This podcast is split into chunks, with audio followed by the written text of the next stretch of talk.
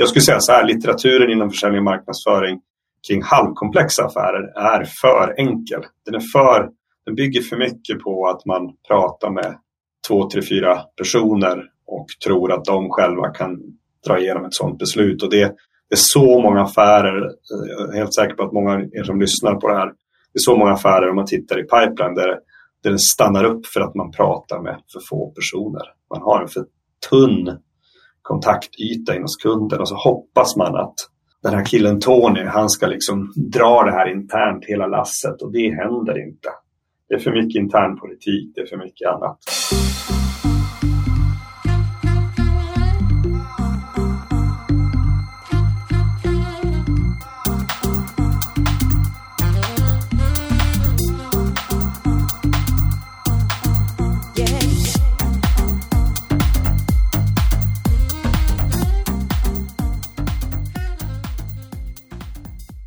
Välkommen tillbaka till Digital marknadsföring med Tony Hammarlund.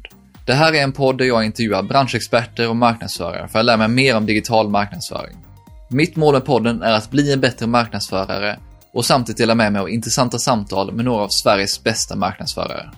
Vilken roll fyller egentligen marknadsföring i riktigt stora och komplexa business-to-business-affärer?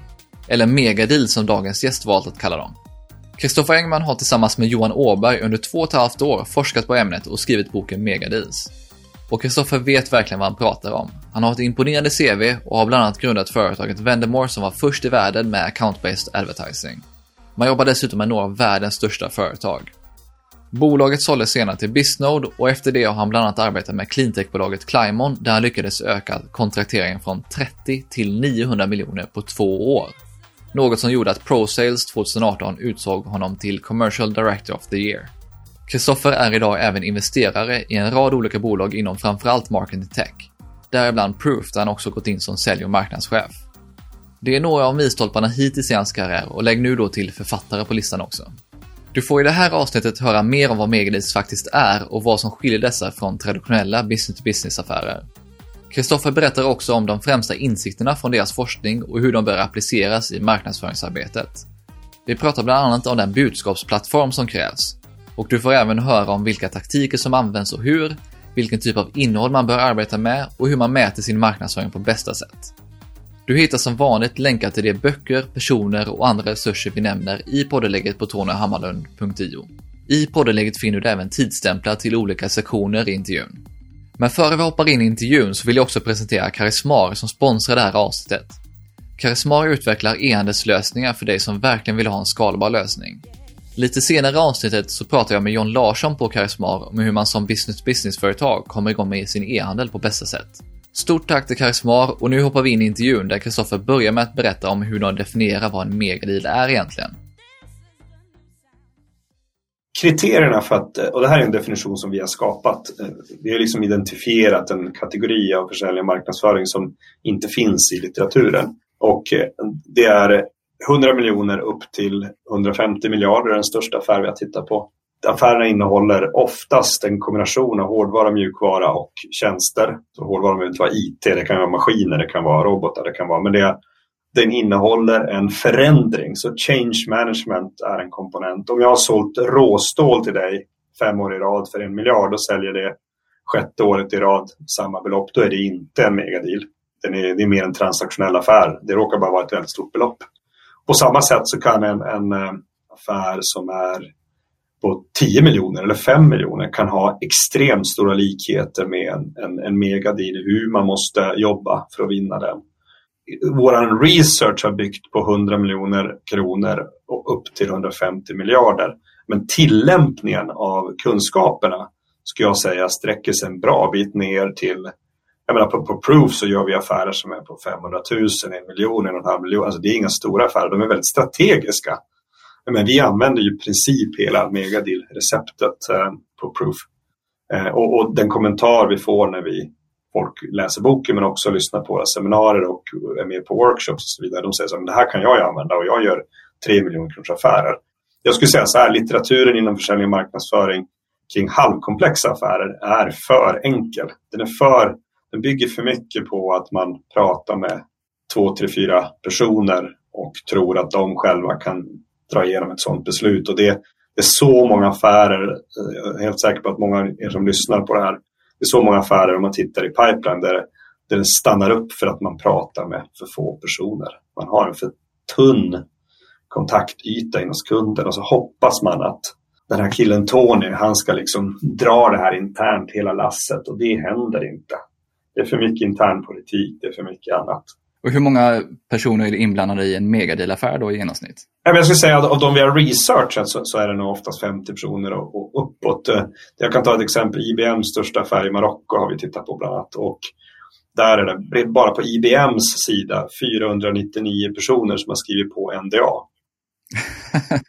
det är, ja, precis. Vi vet inte siffran hos kunden eh, faktiskt, för, för, IBM visste inte den. Och vi har inte intervjuat kunden. Men, men eh, det, det, är väldigt många både på säljande sida och köpande sida.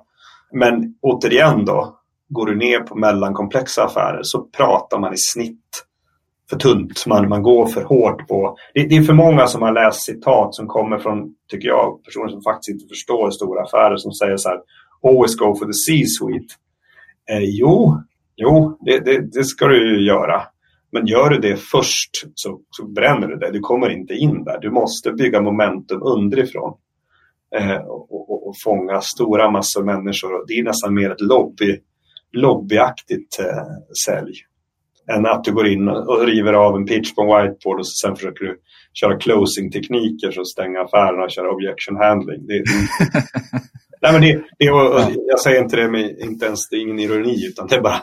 Och det handlar mycket mer om förtroende än om closing-tekniker.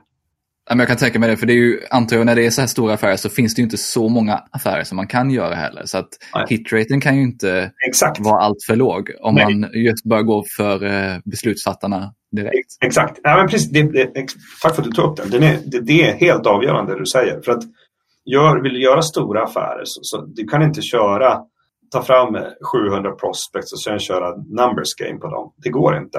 Du kommer att misslyckas kapitalt för säljcyklerna kring en större affär är så pass dyr att du måste gå in med, precis som du sa, med jättehög hitrate. Så på Climate till exempel bestämde vi att för att en, ett, ett prospekt ska övergå till ett säljprojekt som vi kallar det då. Och det var medvetet att vi kallar det projekt och inte process. För att det ska bli ett säljprojekt så måste det ha 80 procent eller högre sannolikhet att bli en, en vinst och eh, inom eh, nog kort tid. För att det är så pass dyrt att driva, du allokerar massa personer, marknadsföring, sälj, men också projektmänniskor och andra runt säljprojektet att, att du måste se det som ett investeringsbeslut. Och det, är, eh, det, det gällde redan på Climon försäljning. Nu är det i och för sig, det börjar bli några hundra miljoner eh, på en del av affärerna där. Men eh, det gäller definitivt även mellan komplexa affärer. Man måste tänka väldigt selektivt och när man väl gör en framstöt så måste man göra det brett eh, så att du inte går på toppbeslutsfattaren med för lite, du har, för torrt, du inte, har inte torrt på fötterna och så det räcker att du säger några felaktiga saker. De har liksom inte tid. Du åker ju ut. Och det går inte att köra heller. Det är säkert många som lyssnar på det här som har hamnat där. men man har lärt sig att vi ska köra solution selling eller spin selling eller vi ska, vi ska ställa en viss typ av utforskande frågor. Och där tycker jag att Challenger säger lite mer på det faktiskt. Men den kräver att man är extremt påläst. Men går du in och ställer, får ett möte med en toppchef i ett stort bolag. Eh, du, du vill satsa på att göra en megadeal och så börjar du ställa öppna frågor. Så what keeps you awake at night? Ja, men du blir på riktigt utslängd. De bara, alltså, jag, har inte, jag har inte tid. Alltså jag har inte tid jag satt ett tag som CIO på Retail and Brands eh, mellan mina olika entreprenörsresor som äger JC Brothers och Polarn Pyret och så vidare. Och då kom det från ganska prominenta varumärken kom det säljare som, som ställde de här frågorna. What keeps you awake at night? Och jag bara, men jag har inte tid. Eller kan du förklara hur mode retail fungerar? Ja, nej, det kan, det kan jag faktiskt inte. Du får faktiskt gå hem och läsa på. Jag, jag har inte tid att driva utbildningsverksamhet. Och, och då var det, det är ju ändå bara 3000 anställda om man går på eh, som Ericsson stora bolag, men det, det, det är ju helt rökt. Du måste ha jobbat, jobbat på bred front och på mellannivå och lägre nivå, så skapa ett momentum och sen gör du din hit mot högre nivå. När man pratade tidigare om business to business-försäljning så har ju mycket handlat om leadgen, alltså generera rena mm, leads. Mm, mm. Men här känns det ju mer som det är extremt fokus på just att stänga affärerna och hjälpa affärerna framåt när man pratar om marknadsföringen. Ja, Nej, men, eh, det ger lite olika perspektiv på det. det är, jag tror så här, i brist på annat är det väldigt många bolag som, som har, jag menar, det är klart att du ska mäta mängden leads, men du får inte ha det som ditt primära KPI. Och det, det, ser vi både i Proof Analytics när vi går in och med hjälp av vår automatiserade matematik ser vad som driver vad så ser vi att nästan alla B2B-bolag överinvesterar i leadsgenerering. Om du tänker dig tre faser, hur går det från unaware till att det blir ett lead, kanske en sign-up på webben eller någonting. Eller ett event-lead eller någonting. Och sen hur går det från ett lead till att stänga en affär och hur går det från att stänga till en affär till att växa den kunden? Då ligger B2B-bolagen alldeles för tungt på den första tredjedelen. En kraftigt överinvesterat och det finns dessutom säljchefer som driver det dit för de, de tror liksom att marknadsförings enda jobb är att generera leads. Resten sköter ju vi i säljteamet. Och, och, det säger man tills, man tills man märker att man har ett skitsvagt varumärke. Som du sa tidigare, det, det upptäcker du för sent. När du har ett jättesvagt varumärke och kunden inte varken känner till det eller förstår vet vad ni står för och så vidare. Skillnaden mellan det och det vi upplevde på Clima när vi kom ut till kunder. De, de visste, vad, alltså alla i gruppen visste vad de hette till namn. De som känt igen, känner igen oss på bild och video, video och annat. De vet vad vi står för, de vet, liksom, de vet ganska mycket varumärket upplevs som starkt så att det finns en sån här beundran i, i rösten. Det kan du ju märka på folk. Jag har till och med varit inne i kundmöten där, där jag, jag, känner på mig att de i rummet är starstruck. De har sett så många videos med mig eller sett mig på scen och annat. Att, att de, de känner sig påverkade. Ungefär som att jag är en sån här mediastjärna. Och det, den effekten kan du uppnå i, i en, ett sälj och marknadsteam eh, egentligen ganska snabbt från noll om du bara vet hur du ska göra. Nej, men, och, och sen, eh, det är samma i, i Megadin Researchen så ser vi också att det finns en övervikt på leadsgenerering. De proffsigaste megadinsbolagen och även medelkomplexa bolag, de har en väldigt väl utarbetad account-based marketing-modell. De har dessutom ett väldigt tätt samarbete mellan marknad och sälj. Och marknad får lika mycket beröm när man stänger en affär som sälj. Det, blir det inte den här, för jag har sett så många bolag där man marknaden har gjort ett kanonjobb kring en kund och så sen så 18 månader senare blir det en affär och marknaden vill fira ihop med sälj och sälj. Nej, nej, men det är vi som har gjort jobbet. Då pekar man på ett lead och säger men det här leadet kommer ifrån Ja, men de pratade vi med redan ändå. Så att man, man liksom totalt underminerar marknad. Och det är till viss del marknadens eget fel. För driver man bara leads, då hamnar man där. Måste jobba mer holistiskt och vara med, påverka kontot även när de är ett lead tills att de har köpt och sen när de är befintlig kund. Det är ganska många marknadsavdelningar som säger så här, nej, men de 47 viktigaste kunderna, de, de ansvarar sälj för, vi jobbar på de andra. Och det är på riktigt, nej, men det är på riktigt idiotiskt. Det är fullständigt idiotiskt för att det, det är, det är så otroligt mycket mer lönsamt och, och fokusera att sälj och marknad springer på samma. Men vilka är då de främsta insikterna från er forskning kring de här riktigt stora affärerna? Ja, jag, kan ta, jag kan ta dem snabbt. En podcast blir liksom som en trailer ungefär. Ja, men om man tittar på, vi kallar dem five cornerstones eller fem grundpelare eller något sånt. Eh, och det är att eh, det första är att man måste matcha sin affär med kundens key initiatives.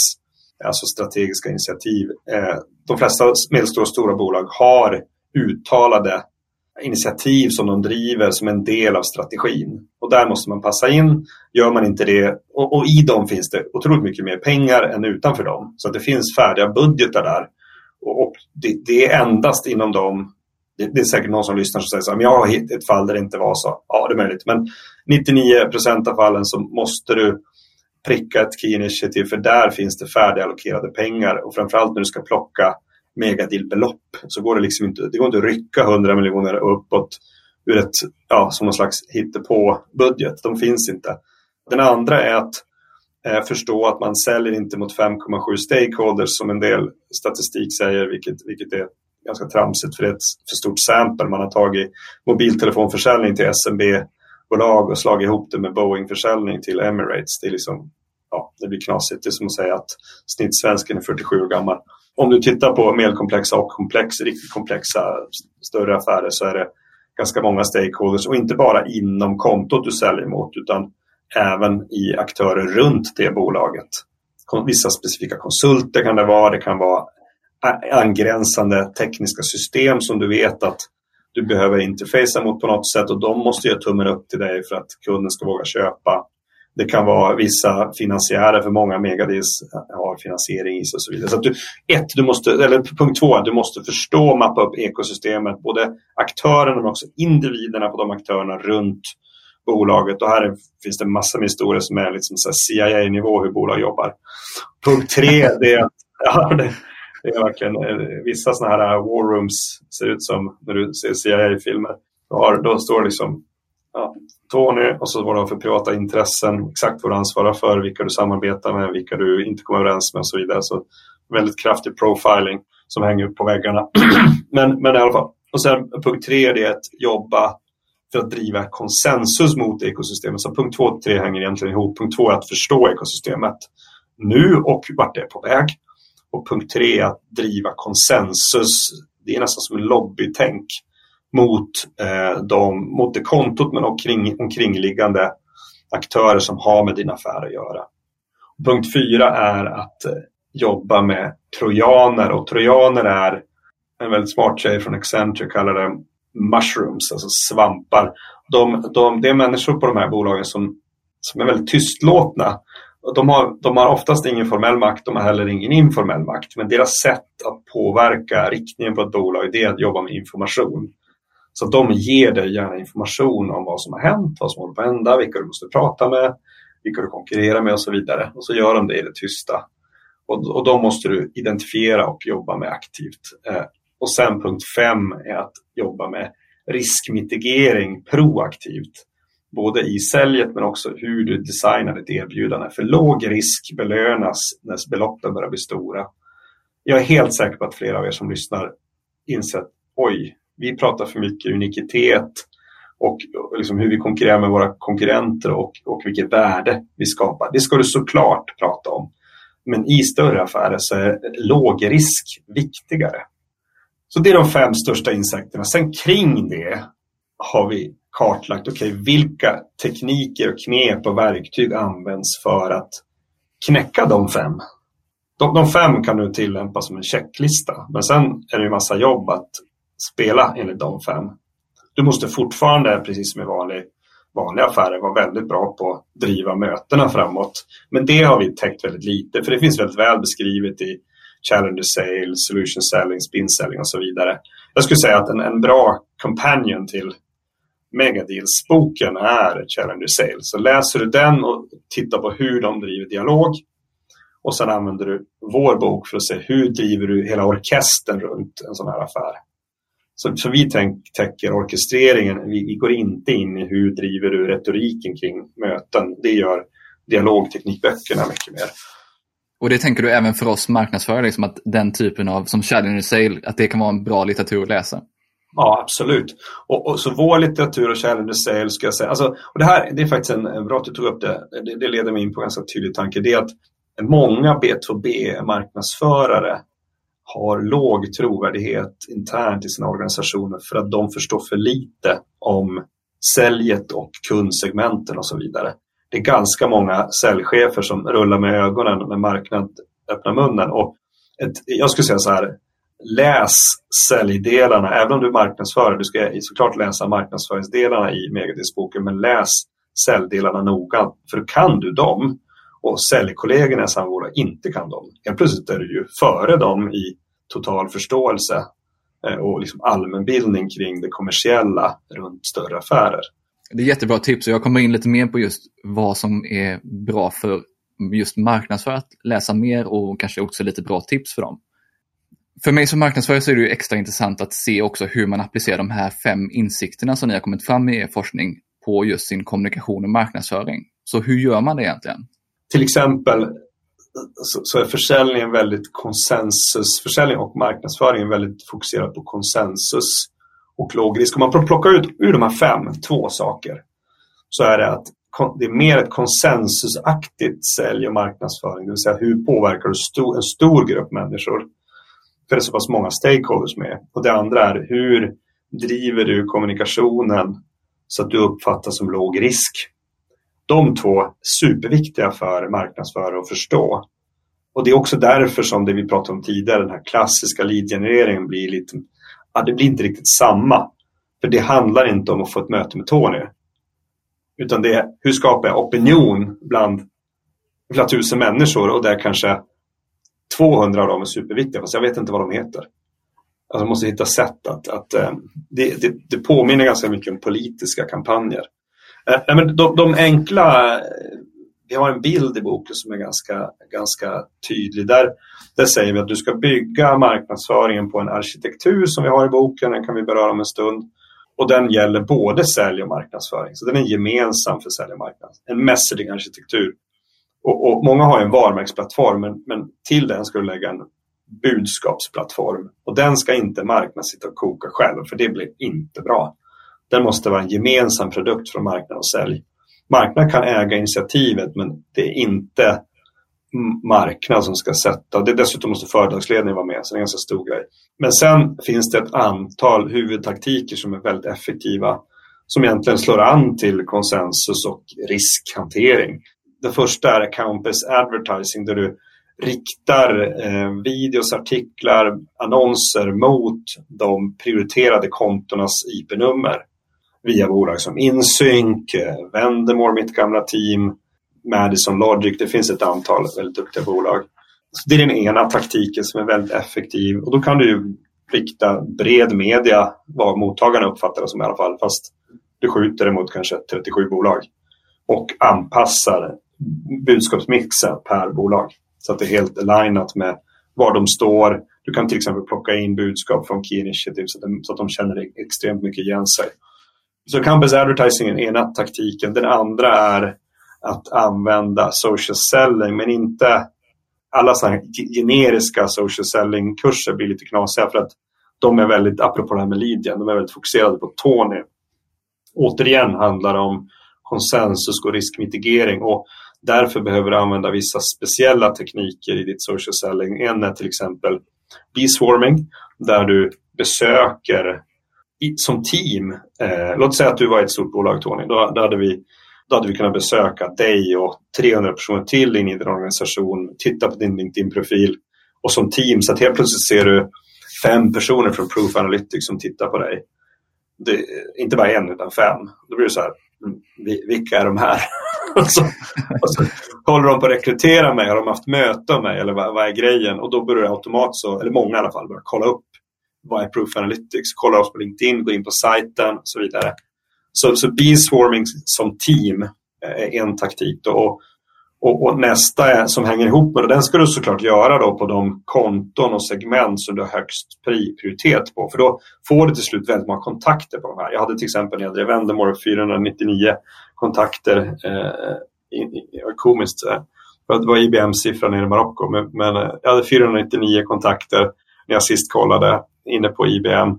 Det gjorde att när jag hade möte med olika parter där så så var, de hade ju någon slags respekt för mig, för de visste ju inte om jag kände de här på riktigt eller inte. Ja, men, ja, du, ja, men jag såg att du connectade med min chefschef. Ja, precis. Ja. så syftet är just att få, upp, få dem att få upp ögonen för en ja, genom att besöka profilerna? Så, så du, det du gör kombinerat, du driver, ligger och skjuter annonsering mot de här målbolagen via IP-nummer och via en, över en miljon sajter så att du syns i media väldigt frekvent du gör samma sak via köpta inlägg på, på LinkedIn och du kan, eh, vi hinner inte gå in på det idag, men du kan göra det bakvägen också på, på Facebook och, och, Instagram. Men sen parallellt så besöker du LinkedIn-profiler i stor skala inne på målbolagen och som team. Så att det blir det här att många personer tittar på dig från samma bolag. Och, och, då börjar du få mer och mer kontakt. Så till slut har du en väldigt stor kontaktbas där inne. Och det då parallellt med att du driver, att du postar saker i exempelvis LinkedIn gör ju att du får till slut en enormt genomslag. Vi ser till exempel nu när vi, när vi driver både Proof och Megadeal Advisory som är då utbildningsverksamheten kring vår Megadeals-bok där vi, vi gör inlägg så ser vi att ja, det, är, det är 79 personer från det här jättebolaget som har kollat det här inlägget. Så vi får, vi får väldigt stort genomslag inne på dem i de prioriterade bolagen. Hela tricket är att sälj och marknad jobbar ihop och bygg, driver mot de här två viktigaste, då, konsensus och låg risk. Och, och, och, och låg risk, det kan du använda i din kommunikation. Du kan ju till exempel om du har lead generation som viktigaste mål så tjänar du på att ha väldigt klickvänliga annonser, väldigt klickvänliga mejl och så vidare.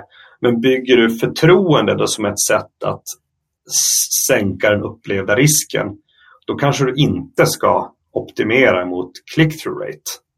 Utan, utan, du optimerar mot att, eh, ja, men det här var något som vi drev aktivt på Vendemore som jag vet Insync till exempel som är duktiga gör.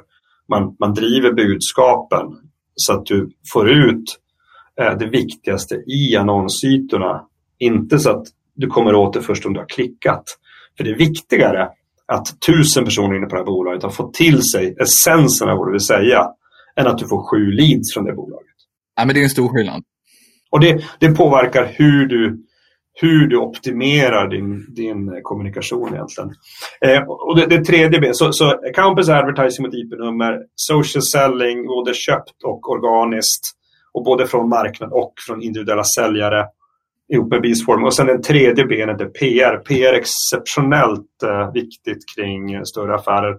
Och det är av ett tydligt skäl. Att folk, folk tänker mycket att PR driver top of the funnel, det gör det. Men PR driver ännu mer winrate av det skälet att PR är trovärdighetshöjande. Det hänger ihop med risk mitigation så att du ökar trovärdigheten för ditt bolag på tre ganska tydliga sätt. Referenscase, eller man kan säga fyra. Advocates, alltså personer som går ut publikt och säger att Tony, liksom, han är grym. Referenser, alltså bolag som ställer upp i referenscase. Analytikerkommentarer, till exempel Gartner säger att eh, Proof Analytics är ledande. Ja, men till exempel Forresters skriver väldigt mycket om Proof Analytics. Det är ju en, ett exempel på det. Och, och de, den fjärde är PR. Så att uppträder du väldigt mycket i, i tredjepartsmedia så blir det lite den här, vi är ändå flockmänniskor. Då, då blir det så här, men Tony AB verkar ju vara väldigt etablerat. Eh, det känns ju bra. Och du får också den effekten när du pratar om Tony AB internt på, hos kunden. Så, så säger så här, ja, men, ja, men Tony AB känner till, ja men det känner jag också till. De verkar bra. Folk har en tendens att vilja vara in the know. Man vill, man vill gärna säga, ja men jag är connected med Tony. Ja men det är jag med, ja men han är grym. Så här, att, då blir det flockbeteendet gör att det upplevs som accepterat att välja dig som leverantör. Så att mycket handlar om att skapa den här eh, psykologin i en bred, ett brett anslag inne på de viktigaste bolagen. Skapa trovärdighet både via att folk är connectade med dig och ditt team men också att du upplevs som väldigt trovärdig i, i hur du kommunicerar. Um, och någonting som, jag vet inte, hinner vi det? Jag skulle gärna vilja beröra arkitekturen som vi använder och som vi beskriver väl i boken, hur man bygger upp budskap. För det, där är det många som går bort sig. Jo, men det var precis, du nämnde den här budskapsplattformen och jag som innehållsmarknadsförare tycker ju det här är extra intressant just. Hur bygger man upp det egentligen? Ja, men den består av tre stycken huvudgrupper. De två första är väldigt sekventiella. Den första kallar vi Fundamental Messaging och den handlar om att flytta kunden från att vara unaware till att vilja jobba med dig som leverantör. Nästa kallar vi Deal Closing Messaging och den handlar om att besvara alla frågor som uppstår från att du mentalt har valt leverantör till så att du faktiskt köper. Så är det ganska många, jag ska snart förklara detaljerna, många saker du behöver gå igenom. Och de är väldigt sekventiella. Den tredje kategorin eh, kan bildas som ett moln runt de andra två. Eh, och, och, den är till för att ett, den heter orientational messaging och den är till för att ett, fånga in personer som du kanske inte skulle nå med dina grundbudskap. Där du, du plockar, du gör eh, ditt ämne mycket större. Till exempel så är megadeals en orientational messaging ursprungligen, startar faktiskt så, till campus marketing. Hur gör man ämnet kring campus marketing mycket större? Jo, det handlar om att stänga större affärer. Eh, och, och, då börjar vi kalla det megadeals. Eh, men, men det är de tre stora. Och de två första är väldigt sekventiella. Den, den första, då, fundamental messaging, innehåller fyra stycken nivåer. Den första är svarar egentligen på frågan varför ska jag förändra mig? Varför är det här ämnet viktigt? Varför ska jag, vilka pain points har jag? Vilka makrotrender finns? Vad är det som gör att jag ska göra en förändring? Nästa nivå handlar om okay, vilka alternativa sätt att förändra mig har jag?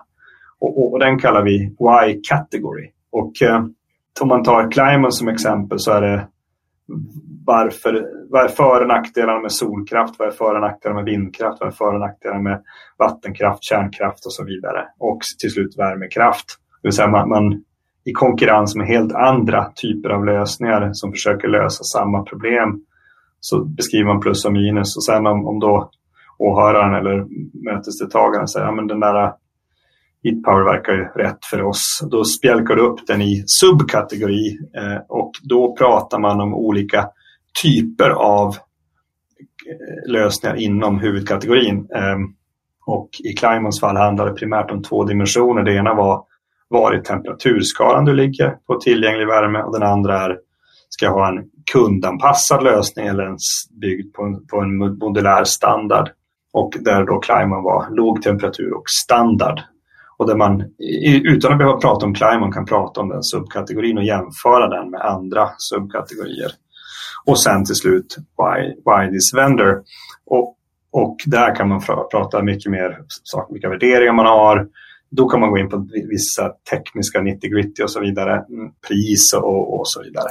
Men, men, det de flesta gör fel på det är att man bommar kategori och subkategori. Man går från problem till varför man ska välja min leveran, mitt företag som leverantör. Eh, men det som kunden ägnar rimligt mycket tid på det är att klura ut vilken typ av lösning har jag på det här problemet. Och, och oftast när man pratar internt så måste man kunna svara den frågan. Man kan inte säga så här, men vi, vi har ett lönsamhetsproblem och därför ska jag gå med Vendemore. Mm, yeah. de, de flesta ganska skickliga eh, ledningsgruppspersoner säger så här, ja men Tony kom igen. Vad, vad, vad har du tittat på för alternativa angreppssätt? Kategorier. Ja men jag har tittat på att ta in eh, tre nya Zlatan-säljare, skaffa ett nytt CRM, satsa på campus marketing och så vidare. Och så vidare. Men om man som marknadsförare vill ta in det här konceptet, om, om jag skulle komma med megadeals-tänket kring mm. till mitt bolag mm. och jag börjar prata om att vi ska inte bara i vår kommunikation prata om problemet utan och, och oss som företag, våra produkter, utan vi ska också prata om alla alternativ som kunden har. Ja. Hur får man buy-in på den? För det är ju där jag tänker mig just varför det är ett problem. Där många går från det tidiga till... Du menar varför man får buy-in internt på sitt eget bolag? Ja, hur, hur får man egentligen just att våga prata om de alternativen som finns? Jag tror att enklaste sättet är att vända det till sina egna köp och så refererar man till köp man själv har gjort som är av större karaktär och, och eh, backa bandet för sina kollegor och säga att kommer ni ihåg att vi, vi hade det här problemet, de här alternativa lösningstyperna tittar vi på. Och för, för grejen är att den här fyra nivåstrukturen den mappar egentligen så som man egentligen går tillväga när man utvärderar hur man ska förändra sig. Man går inte från problem till en viss leverantör. Det finns ingen vettig organisation som gör det. Det, det skulle anses som strikt oprofessionellt. Du kanske, ja, men kanske om du ska köpa ja, men jag ska köpa in dekaler till vårt event eh, och, och jag pratar med Tony AB. Ja, ja, jättebra, kör. Men så fort det börjar bli större belopp eller större förändringar så kommer man inte undan med den utan då måste du beskriva landskapet mycket bredare och sen egentligen agera beslutsguide till kunden. Så att du sätter dig på kundens sida och du förflyttar dig på samma sätt som de kommer att göra ändå. De kommer fylla i kategorier, även om de kanske inte tänker på de begreppen så kommer de gå igenom de två stegen utan att de nödvändigtvis reflekterar över det. Och gör du inte det, det här är en ganska vanlig konsekvens, om du hoppar från problem till dig som leverantör, då hamnar du i en defensive mode där de säger så här, ja men vadå, så ni är likadan som de här? Nej, säger du. Ja men är ni likadan som de här? Nej. Alltså problemet är att du hamnar istället i en defensiv position där du till slut måste besvara på kategori och subkategori fast defensivt. Så antingen tar man tag i frågan och gör det själv eller så låter man kunden ta taktpinnen där istället? Precis. Och, och Dessutom fördelen om du fångar de två mittenkategorierna det är att du anses vara väldigt insiktsfull och förtroendegivande för kunden känner att du nyanserat pratar om. Du ska ju använda det dessutom ärligt. Så att om du beskriver det här är de vägval ni har. Här är plus och minus med varje. Om du gör det nyanserat så kan det ju till och med vara så att kunden säger så här, men okej, okay, vi ska nog välja det här. Och då säger du, ja men jag fattar, men, och det är inte vi. Så att eh, vi kommer inte passa ihop ändå. Och då, då har du kvalificerat bort felaktiga kunder tidigt, vilket är ett exceptionellt vanligt framgångsrikt beteende bland megadealers. Eh, där man är väldigt bra på att välja bort kunder som antingen möjligtvis på kort sikt kommer köpa men sen kommer bli missnöjda. Eller, så du ska ju välja kunder som du redan på förhand vet har jättehög sannolikhet ett att köpa och två att bli framgångsrika med dig som leverantör. Och följer du fundamental messaging som vi skriver väldigt väl om i boken och som jag nu sitter och försöker förklara alldeles för kortfattat. så, så fångar du, så fångar du eh, rätt kund. Så du använder den dels för att sälja men också för att kvalificera bort. För det finns ju situationer där andra alternativ än det du representerar är rätt. Och de vill ju på något, någonstans, om du tänker på medellång och lång sikt, de vill du egentligen inte ha. Ja, man vill inte framförallt lägga ner den, all den tid och energi som det tar att göra en sån här stor affär på en Nej. kund som ändå inte det är rätt för. Nej, exakt. För det kommer, det kommer fram, antingen under den köpresan eller när de väl har kört igång en pilot eller något liknande och ska in i nästa steg så kommer de säga att ah, det här var inte rätt för oss. Det, det är, där är liksom det här som vi pratade om eh, tidigare att många megadealers har en vd-personlighetsprofil. De är väldigt krassa. De, de säger ganska ärligt till dig att Nej, men vi passar inte som leverantör till dig. Om man nu har kört igenom själva fundamental messaging, ja. Och så går man över till nästa nivå då? Mm, deal closing messaging. Och, och, den här är ännu mer underutvecklad. För det, det, är, som, det är som många bolag, alltså över 90 procent av bolag kör Sen finns det bland de som bara kör varför du ska välja oss. De glömmer helt problemlagret. Eh, men av de som gör problemlagret så är det väldigt få som dessutom gör kategori och subkategori. Och av dem så är det ännu färre som har genomtänkta budskap kring hur går du från att ha mentalt bestämt att köpa oss till att faktiskt signera ett kontrakt? Vad kommer ske? Vad kommer vi behöva för möten? Exakt vad behöver vi checka av innan vi kan signa på? Och sen vad händer från ett signerat kontrakt tills att vi har gått live? Och vad, hur ser sen den löpande operativa fasen ut ihop? När vi väl jobbar löpande ihop. Eller ni använder vår produkt eller vad det nu kan vara.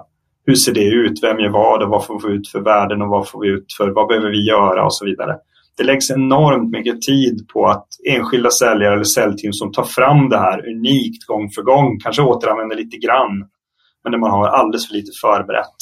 Och, och eh, man underskattar helt eh, kundens behov av att förstå ett större perspektiv.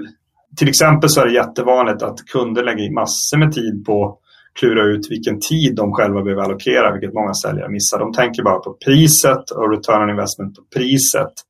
Men i kundens kalkyl så ligger det hur många full-time employees, FTE, måste jag allokera in i det här samarbetet.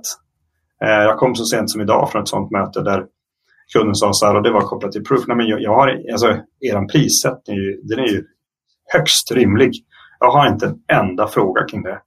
Minst det, det som har tagit mig några veckor att komma fram till att vi ska köra med er. det har att göra med att jag har behövt förstå vad vi behöver allokera för tid Eh, och där är vi fortfarande, vi håller på med det här på Proof, men vi går igenom samma resa. Så vi har satt fundamental messaging nu och nu har vi precis börjat med deal closing messaging och det, det kommer förändra våra kunders köpresa dramatiskt. Den kommer bli mycket kortare. De kommer köpa snabbare för vi kommer kunna leverera kristallklara svar på hur det går till att köpa, hur man går från köp till live, hur, man, hur vi jobbar ihop därefter. Eh, och, och, och, där är vi, ja, vi är mitt i det arbetet.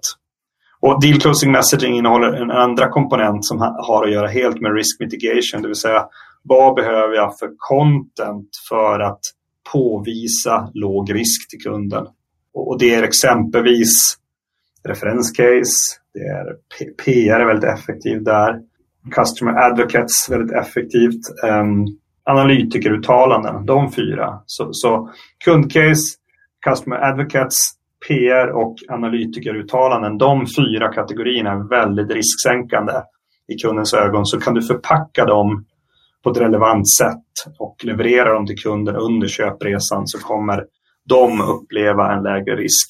Och att även köra en, en riskmitigeringsworkshop som en del av säljprocessen. Och det är också ett sätt att ta kunden från att de vill köpa till att de faktiskt köper. Öppet prata, inte risken som de tar när de inte köper av er utan risken de tar när de köper av er. Och då säger en del säljare men de tar ingen risk. Nej, det säger, det säger junior, juniora säljare. Säger att de tar ingen risk. Men seniora säljare säger oh, de tar risk.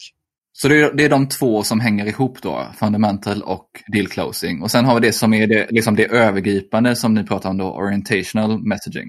Orientational messaging är, är mer PR-likt, det vill säga där försöker man hitta storytelling som, som, går bredare. Vi använder ibland analogin att man ska vara en Aston Martin-bil i en Bondfilm. Det vill säga man ska prata om större kontexter än sig själv men där man som produkt eller tjänst eller bolag har en naturlig passform. Därav då att du ska hellre sända en Bondfilm och där det råkar finnas Aston Martin-bilar i olika scener. Och, och det är, fyller två syften. Ett, att fånga in personer eh, som annars inte skulle ha lagt märke till dig. För de kanske inte ens har insikter om att de har ett problem. Så att de, de är inte ens mottagliga mot de budskap du jobbar med. Och det andra är att förstärka upplevelsen hos en part som redan är i diskussion med dig om att de är på rätt spår. Jag kan ta några exempel på bra orientational messaging. På Climon hade vi ett exempel på där Carl Berglund skrev en otroligt bra artikel som handlade om de fem stora renewable energy-trenderna inom marinindustrin. Shipping och, och cruise och så vidare. Eh, och, och, eh, där en av de fem trenderna handlar om att ta hand om värm, alltså varmvattnet från de gigantiska motorerna och göra el av det. Och det enda säljande i, i den artikeln var att eh, done by companies such as Climon. Och den här var så pass, dels så fick den enorm spridning och massa delningar och, och när man tittar på statistiken så var det väldigt många inom marinbranschen och från de viktigaste varumärkena som läste den. Så det är enorm trovärdighetsgenomslag men också fångade mycket fler personer än vad som kanske om du tänker dig frågan, vem ansvarar för att ta hand om varmvatten från motorerna och göra el av det? Ja, det kanske är fem personer inne på Maersk. Men vill, hur många bryr sig om vilka de fem stora förnyelsebara energitrenderna är för bolag som Maersk? Ja, men då är du uppe i helt plötsligt 700 personer. En helt annan publik. Och då, då kan du placera in din lilla fråga i en mycket större kontext. Eh, en annan som var väldigt lyckosam handlar om hur marinbranschen uppnår Parisavtalets olika villkor. Eh, så, att man egentligen tar större begrepp och, och, och eh, som jag nämnde för dig tidigare när jag drev Vendemore så då föddes Megadeals och det var ett sätt att göra en Bondfilm av campus marketing så att du pratar vad är de viktigaste sakerna i stora affärer och där är campus marketing en av byggstenarna. Helt plötsligt så blev den byggstenen mycket mer trovärdig så istället för att jag satt med fem personer på Ericsson att jag hade plötsligt 50 personer i samma rum varav delar av ledningsgrupp och, och både sälj och marknad. Så att jag lyckades förankra både Vendemore och mig själv i en mycket större kontext. Så, så att egentligen är ju, eh, jag, skulle, jag skulle tro, att det har redan sett tendenser på, flera av campus marketingleverantörerna kommer dela ut Megadeals-boken till sina kunder. nu, nu, nu, nu, är inte den längre till för att sälja ABM, men det är ju i stora affärer campus marketing är en viktig del från marknadsföringens, marknadsavdelningens sida. Så det, det blir naturligt eh, Aston Martin i, i megadeals. Men, men det, och det, man, det, man gör, ofta så tar det ett tag att komma igång med orientational messaging. Men, men, när man väl har fått kläm på det så går det ganska fort. För det handlar om att skriva om de viktigaste sakerna som dina kunder bryr sig om. Men du, du pratar här om att skriva artiklar och ett par exempel här. Och tidigare så har du pratat om att göra videos. Alltså så här.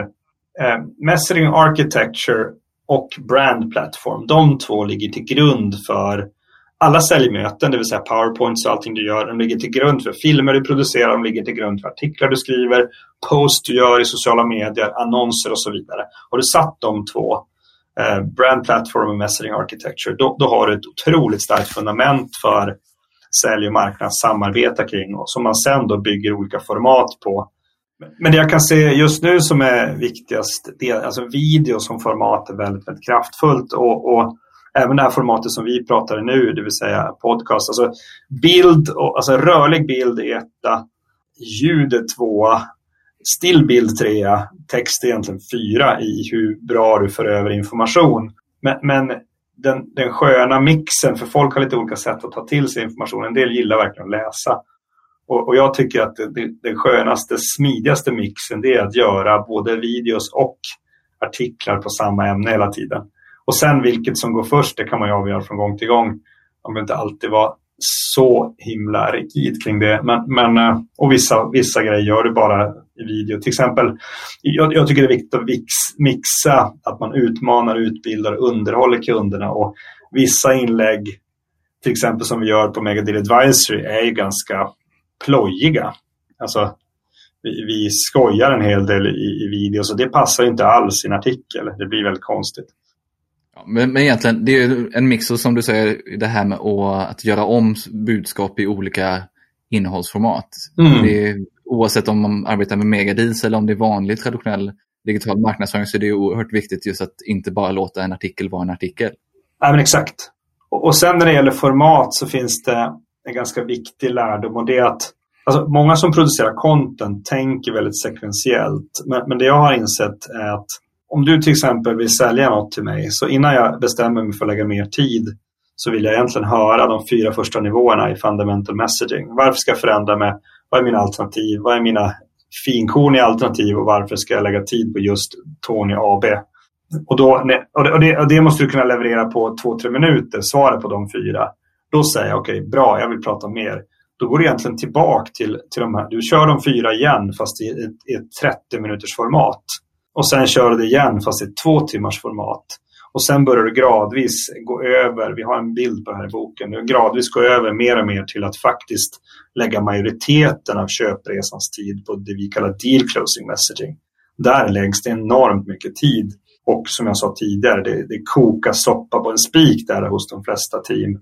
Där man inte har systematiserat och alltså lite mer centralt, blandat centralt och distribuerat utvecklat vad man faktiskt visar kunderna för att sen kunna stänga affären. Och, och vissa av de budskapen passar inte alls i video. Vissa gör det. Vissa passar i att visa ett Gantt-schema. Vissa är en workshop och så vidare. Men, men det, trenden är att digitaliserat content, oavsett om det är videos, artiklar, äter sig upp i komplexitet gradvis. Du får in mer och mer konfiguratorer också där du till och med kan göra moment som är svårare än vad säljaren klarar av digitalt. Det, det finns en dimension relation och förtroende. Där, det här är också en bild vi har i boken, då, relation och förtroende. Där ligger den mänskliga faktorn väldigt tungt.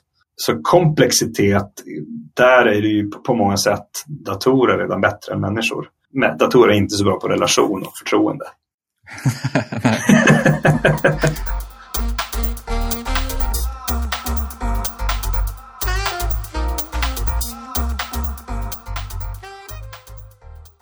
Jag och Kristoffer pratar i det här avsnittet om business-to-business marknadsföring och riktigt stora affärer. Men det blir också allt fler företag som arbetar med business-to-business som startar e-handel. Och precis som i förra avsnittet så har jag med mig John Larsson på Karismar. Välkommen till podden John! Tack så jättemycket Tony, kul att vara tillbaka. Det är jättekul att ha dig med igen och nu när vi är inne på business to business så tänkte jag se hur du som expert på e-handel anser att man som business to business företag kommer igång med e-handel på bästa sätt. Det bästa sättet att komma igång på skulle jag vilja säga är att man identifierar vilka stakeholders som berörs av det här e-handelsprojektet. När man har gjort det så ser man vilka resurser man har att tillgå för att driva dels projektet initialt men också löpande. Utifrån de resurserna man har så kan man sätta upp mål och syfte för vad e-handeln ska leverera för någonting. Mitt andra tips är att man tar hjälp av en extern projektledare som har erfarenhet av att kravställa och driva tekniska förändringsprojekt det är väldigt enkelt att man som ovan beställare tar fel väg annars. Det kan jag absolut tänka mig. Och för de som redan är igång med business business e-handel, hur ska man tänka kring marknadsföringen sen? Precis som du och Kristoffer redan har pratat om så gäller det verkligen att man får sälj och marknadsavdelningen att arbeta tätt ihop och att man är tillgänglig och finns där för kunderna under hela köpresan. Vi förespråkar därför att man arbetar utifrån lifecycle marketing-tankesättet som går ut på att man tar ett 360 graders grepp om köpresan och identifierar alla interaktionspunkter som finns från att behovet uppstår till köp och sen också återköp. Vill du veta mer om hur lifecycle marketing fungerar och vad man ska tänka på så har vi skrivit en artikel om det på karismar.com. Den har jag faktiskt redan kollat in och tänket skiljer sig en hel del från den gamla vanliga celltratten. Ja, det gör det verkligen. Och frågan är om inte celltratten har spelat ut sin roll. Ja, det är nog sannolikt så. Det är som sagt riktigt bra läsning för alla som jobbar med e-handel och jag slänger in en länk i poddelägget så att man hittar den enkelt. Stort tack John och vi hörs igen i nästa avsnitt. Nu hoppar vi in igen i mitt samtal med Kristoffer om Megadeals. Och på tal om det här komplext, för det här är ju otroligt komplext det du beskriver. Och en fråga som kom upp och som jag också själv hade med inför den här intervjun, det var just hur mäter man då effekten av allt det här? För det här, vi pratar om mängder med olika typer av innehåll i mm. en lång köpresa eller kundresa. Ja. Så hur mäter man det här och vad är det man ska mäta? Bra fråga. Eh, nu, nu kommer jag... Jag har ett egenintresse i mitt svar men jag har valt eh, att satsa på proof så pass hårt som jag gör för att jag fundamentalt tror att det fyller en helt förändrande roll i, i marknadsföring och försäljning. Det, det som, och nu, nu, jag kan beskriva det faktiskt utifrån fundamental messaging som exempel. Så att eh, det, det nästan alla sälj och marknadschefer sitter och brottas med det är frå, frågorna hur ska jag vikta mellan säljkår, mellan marknadsföring och mellan PR? De tre stora blocken. Och en del lägger även till customer success. Hur ska jag vikta mina pengar i de tre till fyra stora blocken? Nästa fråga är hur ska jag vikta mina pengar, hur ska jag fördela mina pengar inom marknadsföringen där jag har att välja på så otroligt många saker idag. Retargeting, content syndication, e-mailutskick, event och så vidare. och så vidare. Campus marketing, alltså det är ju och alla dess flavors. Och, och, och, lyckas man knäcka det så kan det vara, jag påstår i alla fall att det är det, är det område där du lättast kan göra en otrolig impact på det finansiella, både omsättning och vinst. Det där var ett exempel på hur man beskriver varför man ska förändra sig. Om vi tar nästa nivå, då, vad finns det för olika sätt att lösa det här på? På kategorinivå för proof så är det faktiskt eh, hjärnan ensam som konkurrerar med hjärnan stödd av matematik. Och här har jag ett exempel. Jag har själv gjort prognoser åt regeringen. Så jag har gjort prognoser på statsbudgeten där vi mötte eh, doktorer i nationalekonomi som precis som många marknadsförare gör, de tittar på olika datakällor. Och I marknadsföringsvärlden så är det ditt marketing automation system, man tittar på Google Analytics, man tittar på XYZ, olika typer av Facebooks backend, man tittar på LinkedIn och så sen så använder man hjärnan för att dra slutsatser. Och det, doktorerna i nationalekonomi gjorde, de tittade på, till exempel inom reavinstskatt, så tittade de på hur, hur rör sig fastighetsmarknaden, hur rör sig eh, aktiemarknaden, obligationer och så vidare. Och sen använde de hjärnan för att bedöma vad prognosen på statens intäkt kommer vara på reavinstskatt. Och de hade i snitt 80 procent fel. ja. Och det, det, är, jag skulle säga att det är helt ekvivalent. Alltså, det, det, det är intressant att den drivs av sju variabler men inom marknadsföring och försäljning har vi ganska ofta 50 variabler eller mer. Det vill säga 50 olika saker vi lägger pengarna på.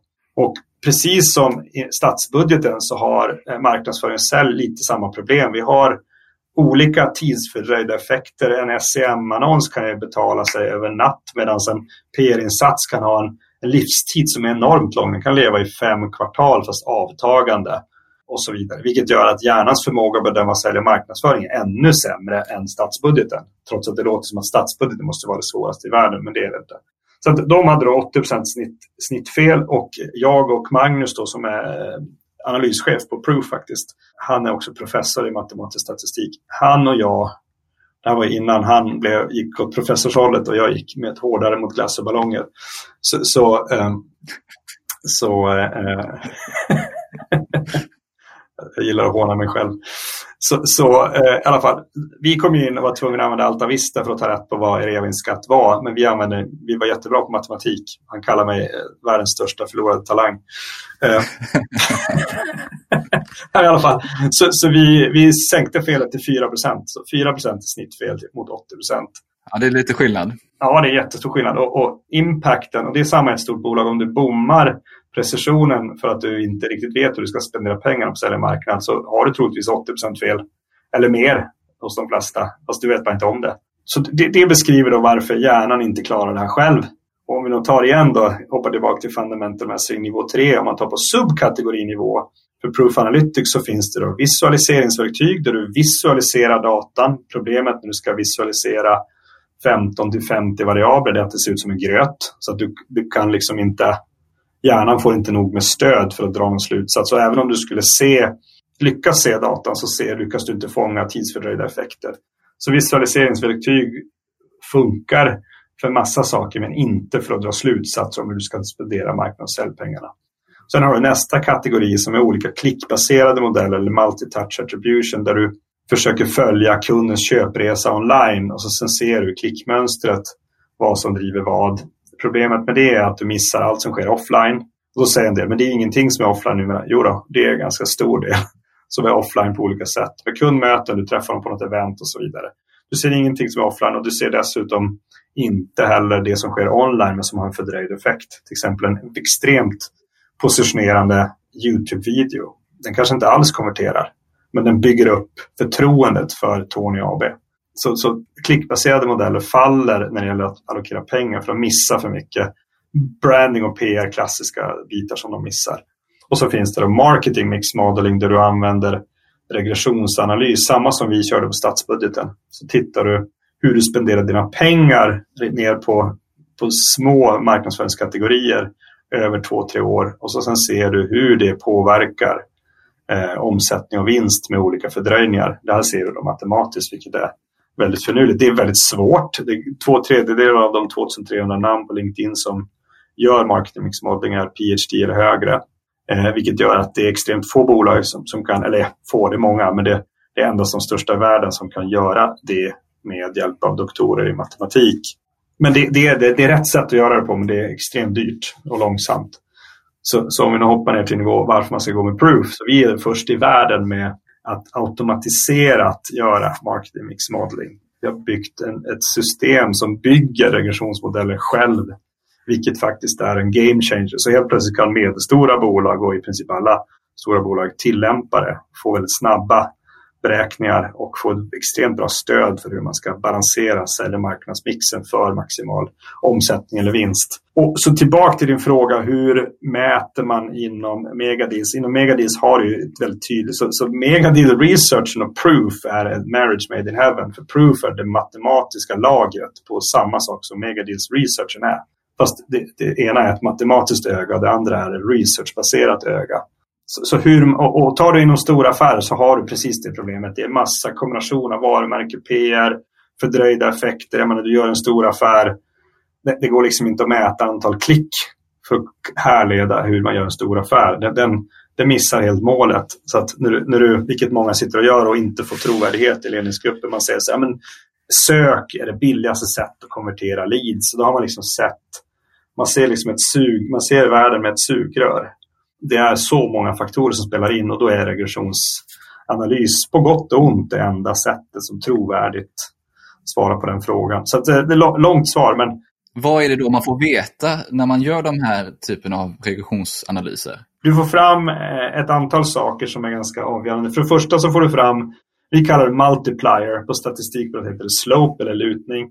Multiplier talar om att om du ökar en krona in i den här kategorin, säg retargeting, hur mycket ökar din omsättning? Så om du har en multiplier på 27 betyder det att en krona in ger 27 kronor tillbaka i snitt.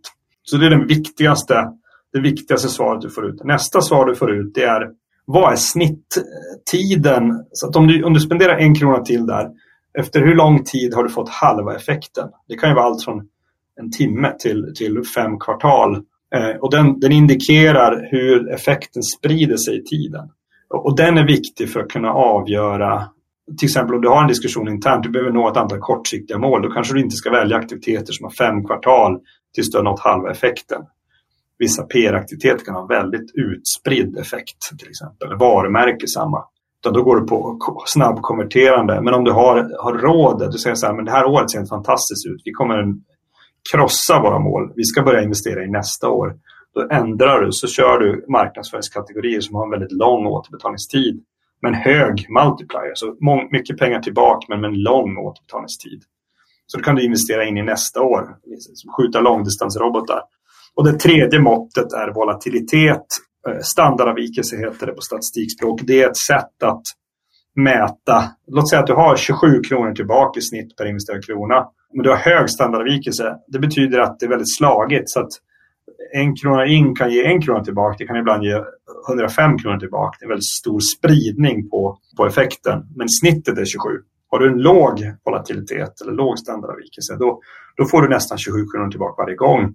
Och det måttet är väldigt viktigt igen då, om du, ska ha, om du har tre månader kvar på året och du, du är ett bolag som har väldigt hög belåningsgrad till exempel. Du måste nå ett visst eh, vinstmål, annars kommer bankens ränta att öka. Du har helt enkelt inte råd att chansa då kanske du prioriterar sådana som har låg volatilitet, kort time to impact och en, en, en rimligt hög multiplier. Så att du med hög säkerhet prickar eller slår eh, sista kvartalets mål.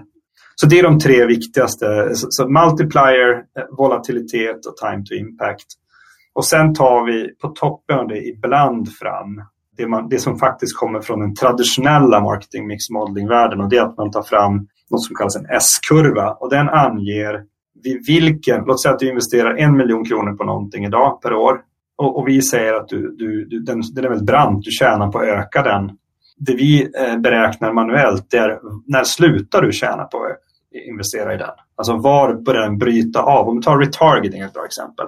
Retargeting kan vara väldigt lönsamt men kör du för mycket så irriterar du kunderna. Så då, får du en, då börjar den här effekten att avta efter ett tag och du kan till och med få att den börjar gå neråt. Då, då beräknar vi vad är brytpunkten. Och det gör vi bara för de absolut största kunderna i, i världen. Eh, då lägger vi till ett manuellt lager men, men med fördelen av att den automatiserade modellen gör det volymarbetet så att vi kan med väldigt lite tid alltså hög effekt för, både oss och kunden leverera det som tar team av doktorer att göra, att jobba i flera veckor eller månader. Det gör vi väldigt snabbt för att vi har använt den automatiserade delen för att jobba undan volymarbetet och så lägger vi mänskliga excellensen på topp. Var det ett eh, begripligt svar? Alltså det låter sjukt avancerat men väldigt intressant så det här måste jag kolla in mer på alltså. Jag tror att om, om, om fem, tio år så kommer, så kommer folk fråga varför gjorde vi på riktigt, eh, varför gjorde vi ens något annat när vi försökte utvärdera marknadsföring och försäljning? För det, alltså när du tittar på de här klickbaserade modellerna, de blir så extremt kortsiktiga. Så bolag som har kört dem för länge hamnar i det som, som jag faktiskt myntade begrepp som jag kallar badkarseffekten.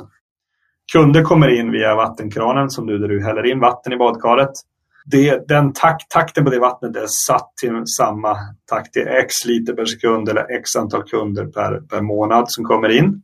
I botten av badkaret har du ditt eh, hål som släpper ut eh, vattnet. Till en början så när du spolar på kraftig hastighet med vatten så börjar vattennivån i badkaret stiga trots att du har den här ventilen öppen. Men till slut så blir trycket från vattnet så högt så att eh, hastigheten med vilken vattnet åker ur blir samma som hastigheten med vattnet som åker in och då stannar vattenytan. Eh, och, och, det här låter ju, vad, vad, vad har det för relevans? Jo, churn av kunder är nästan alltid en procent av kundbasen. Det vill säga ju större kundbas du får. Procentuella churnen kan vara samma men en procent på en större och större mängd kunder gör att churnen blir i absoluta belopp i antal kunder blir större och större. Och det, det är då eh, utsläppet av vattnet. Problemet när du bygger, bygger din marknadsföring på väldigt hårdkonverterande kanaler som SEM till exempel, det är att efter ett tag har du fiskat ut de volymer som finns. Det finns ofta, om du kollar på Google Trends och ser att det finns det är, det är ganska rimligt samma takt av sökningar som sker på vissa begrepp. Och när du har blivit väldigt välutvecklad på hur du jobbar med SEM så har du till slut hittat all kombinatorik för hur du hittar sökvolymerna. Och då blir vatteninsläppet, det vill säga antalet nya kunder, blir konstant du ökar fortfarande din, din vattenyta, din kundbas, men till slut så eh, tar churn, och då blir churn lika stor. Då dör bolagets tillväxt. Så att många som har satsat för hårt för länge bara på konverteringsmarknadsföring, de tappar nästan alltid i tillväxt och planar ut. Och det är oftast förödande för aktiekurser eller för ja, vinstnivåer och annat, där man bygger på, på en, en tillväxt. Vi pratar ju om de här modellerna då för att bedöma olika kanaler och vad de levererar. Men vad finns det för KPI eller nyckeltal som du tycker att man behöver titta på när man jobbar med den här typen av stora affärer? För det är någonting som många, väldigt många frågar efter just. Vad finns det för KPI eller nyckeltal man ska titta på? Ja, just det. Nej, men för det första, om man, om man har eh, proof eller något liknande så, så kan man beräkna effekterna hela tiden och ligga och mäta på det istället för Eh, Eh, det som kallas Vanity KPIs. Men om du inte väljer att ha en sån modell utan kör med den tillgängliga data du, du har så, så, till exempel ett bra mått, eftersom konsensus är väldigt viktigt i, i stora affärer, så ett bra mått det är hur många interna individer har du som förstahandskontakter inne på ditt målbolag eller dina viktigaste målbolag. Så att du mäter hur du expanderar ditt kontaktnät inne på målbolagen. Du kan såklart mäta antal leads och så vidare men det, det har hos de flesta bolag en för stor betydelse. Så det, men det ska du ändå mäta. Du ska mäta hur många unika besökare och vad de tittar på från respektive målbolag på din webb. Så du ser vilka typer av ämnen tittar de på just nu och hur många är de som tittar på de ämnena. För, för att nämna några. Men sen tycker jag också viktigt att följa att inte tänka säljprocess utan tänka säljprojekt och så sätter du väldigt tydliga tollgates. Så att eh, apropå deal closing messaging, när du har kommit in en bit i köpresan, nu har vi bockat av de här grejerna, men då är vi här. Då vet vi att sannolikheten ökar till det här och så vidare. Det, det, som, eh, det som jag tycker man absolut enklast att monitorera som nästan alla kan göra det är antal unika kontakter i, i LinkedIn på de viktigaste målbolagen du har. Antal besök från de viktigaste och sen följa tydliga milestones kopplat till deal closing, budskapsstrukturen. Om man nu tittar på all, allt det här inom just den här väldigt komplexa business-to-business marknadsföringen. Vad är det som utmärker ett riktigt bra marknadsteam? Du ska som marknadsförare förstå mycket av säljet. Eh, för då får du förtroende hos säljarna, du, du blir mycket mer integrerad i säljet. Eh, så, så att vara med på kundbesök då och då och även förstå säljvärlden. Kompetensmässigt, det, det, det, det jag ser, det finns en tröghet i till exempel hur man går mot digitalt content. Där finns det en tröghet. Det finns ju många marknadsdrivna på stora bolag som är väldigt duktiga på event, alltså konferenser och vanliga event. De är bra på vepor, de är bra på broschyrer och i bästa fall kan de snickra PowerPoint. Men, men det är ju kanske inte de stora kompetenserna idag.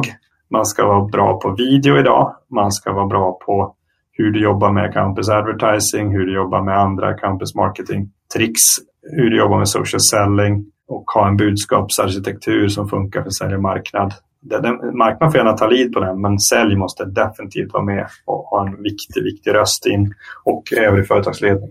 På Proof har vi släppt tre stycken utbildningsspår, de är i sin linda, men det är Data Science för CMOs och det är för att CMOs idag måste förstå Data Science.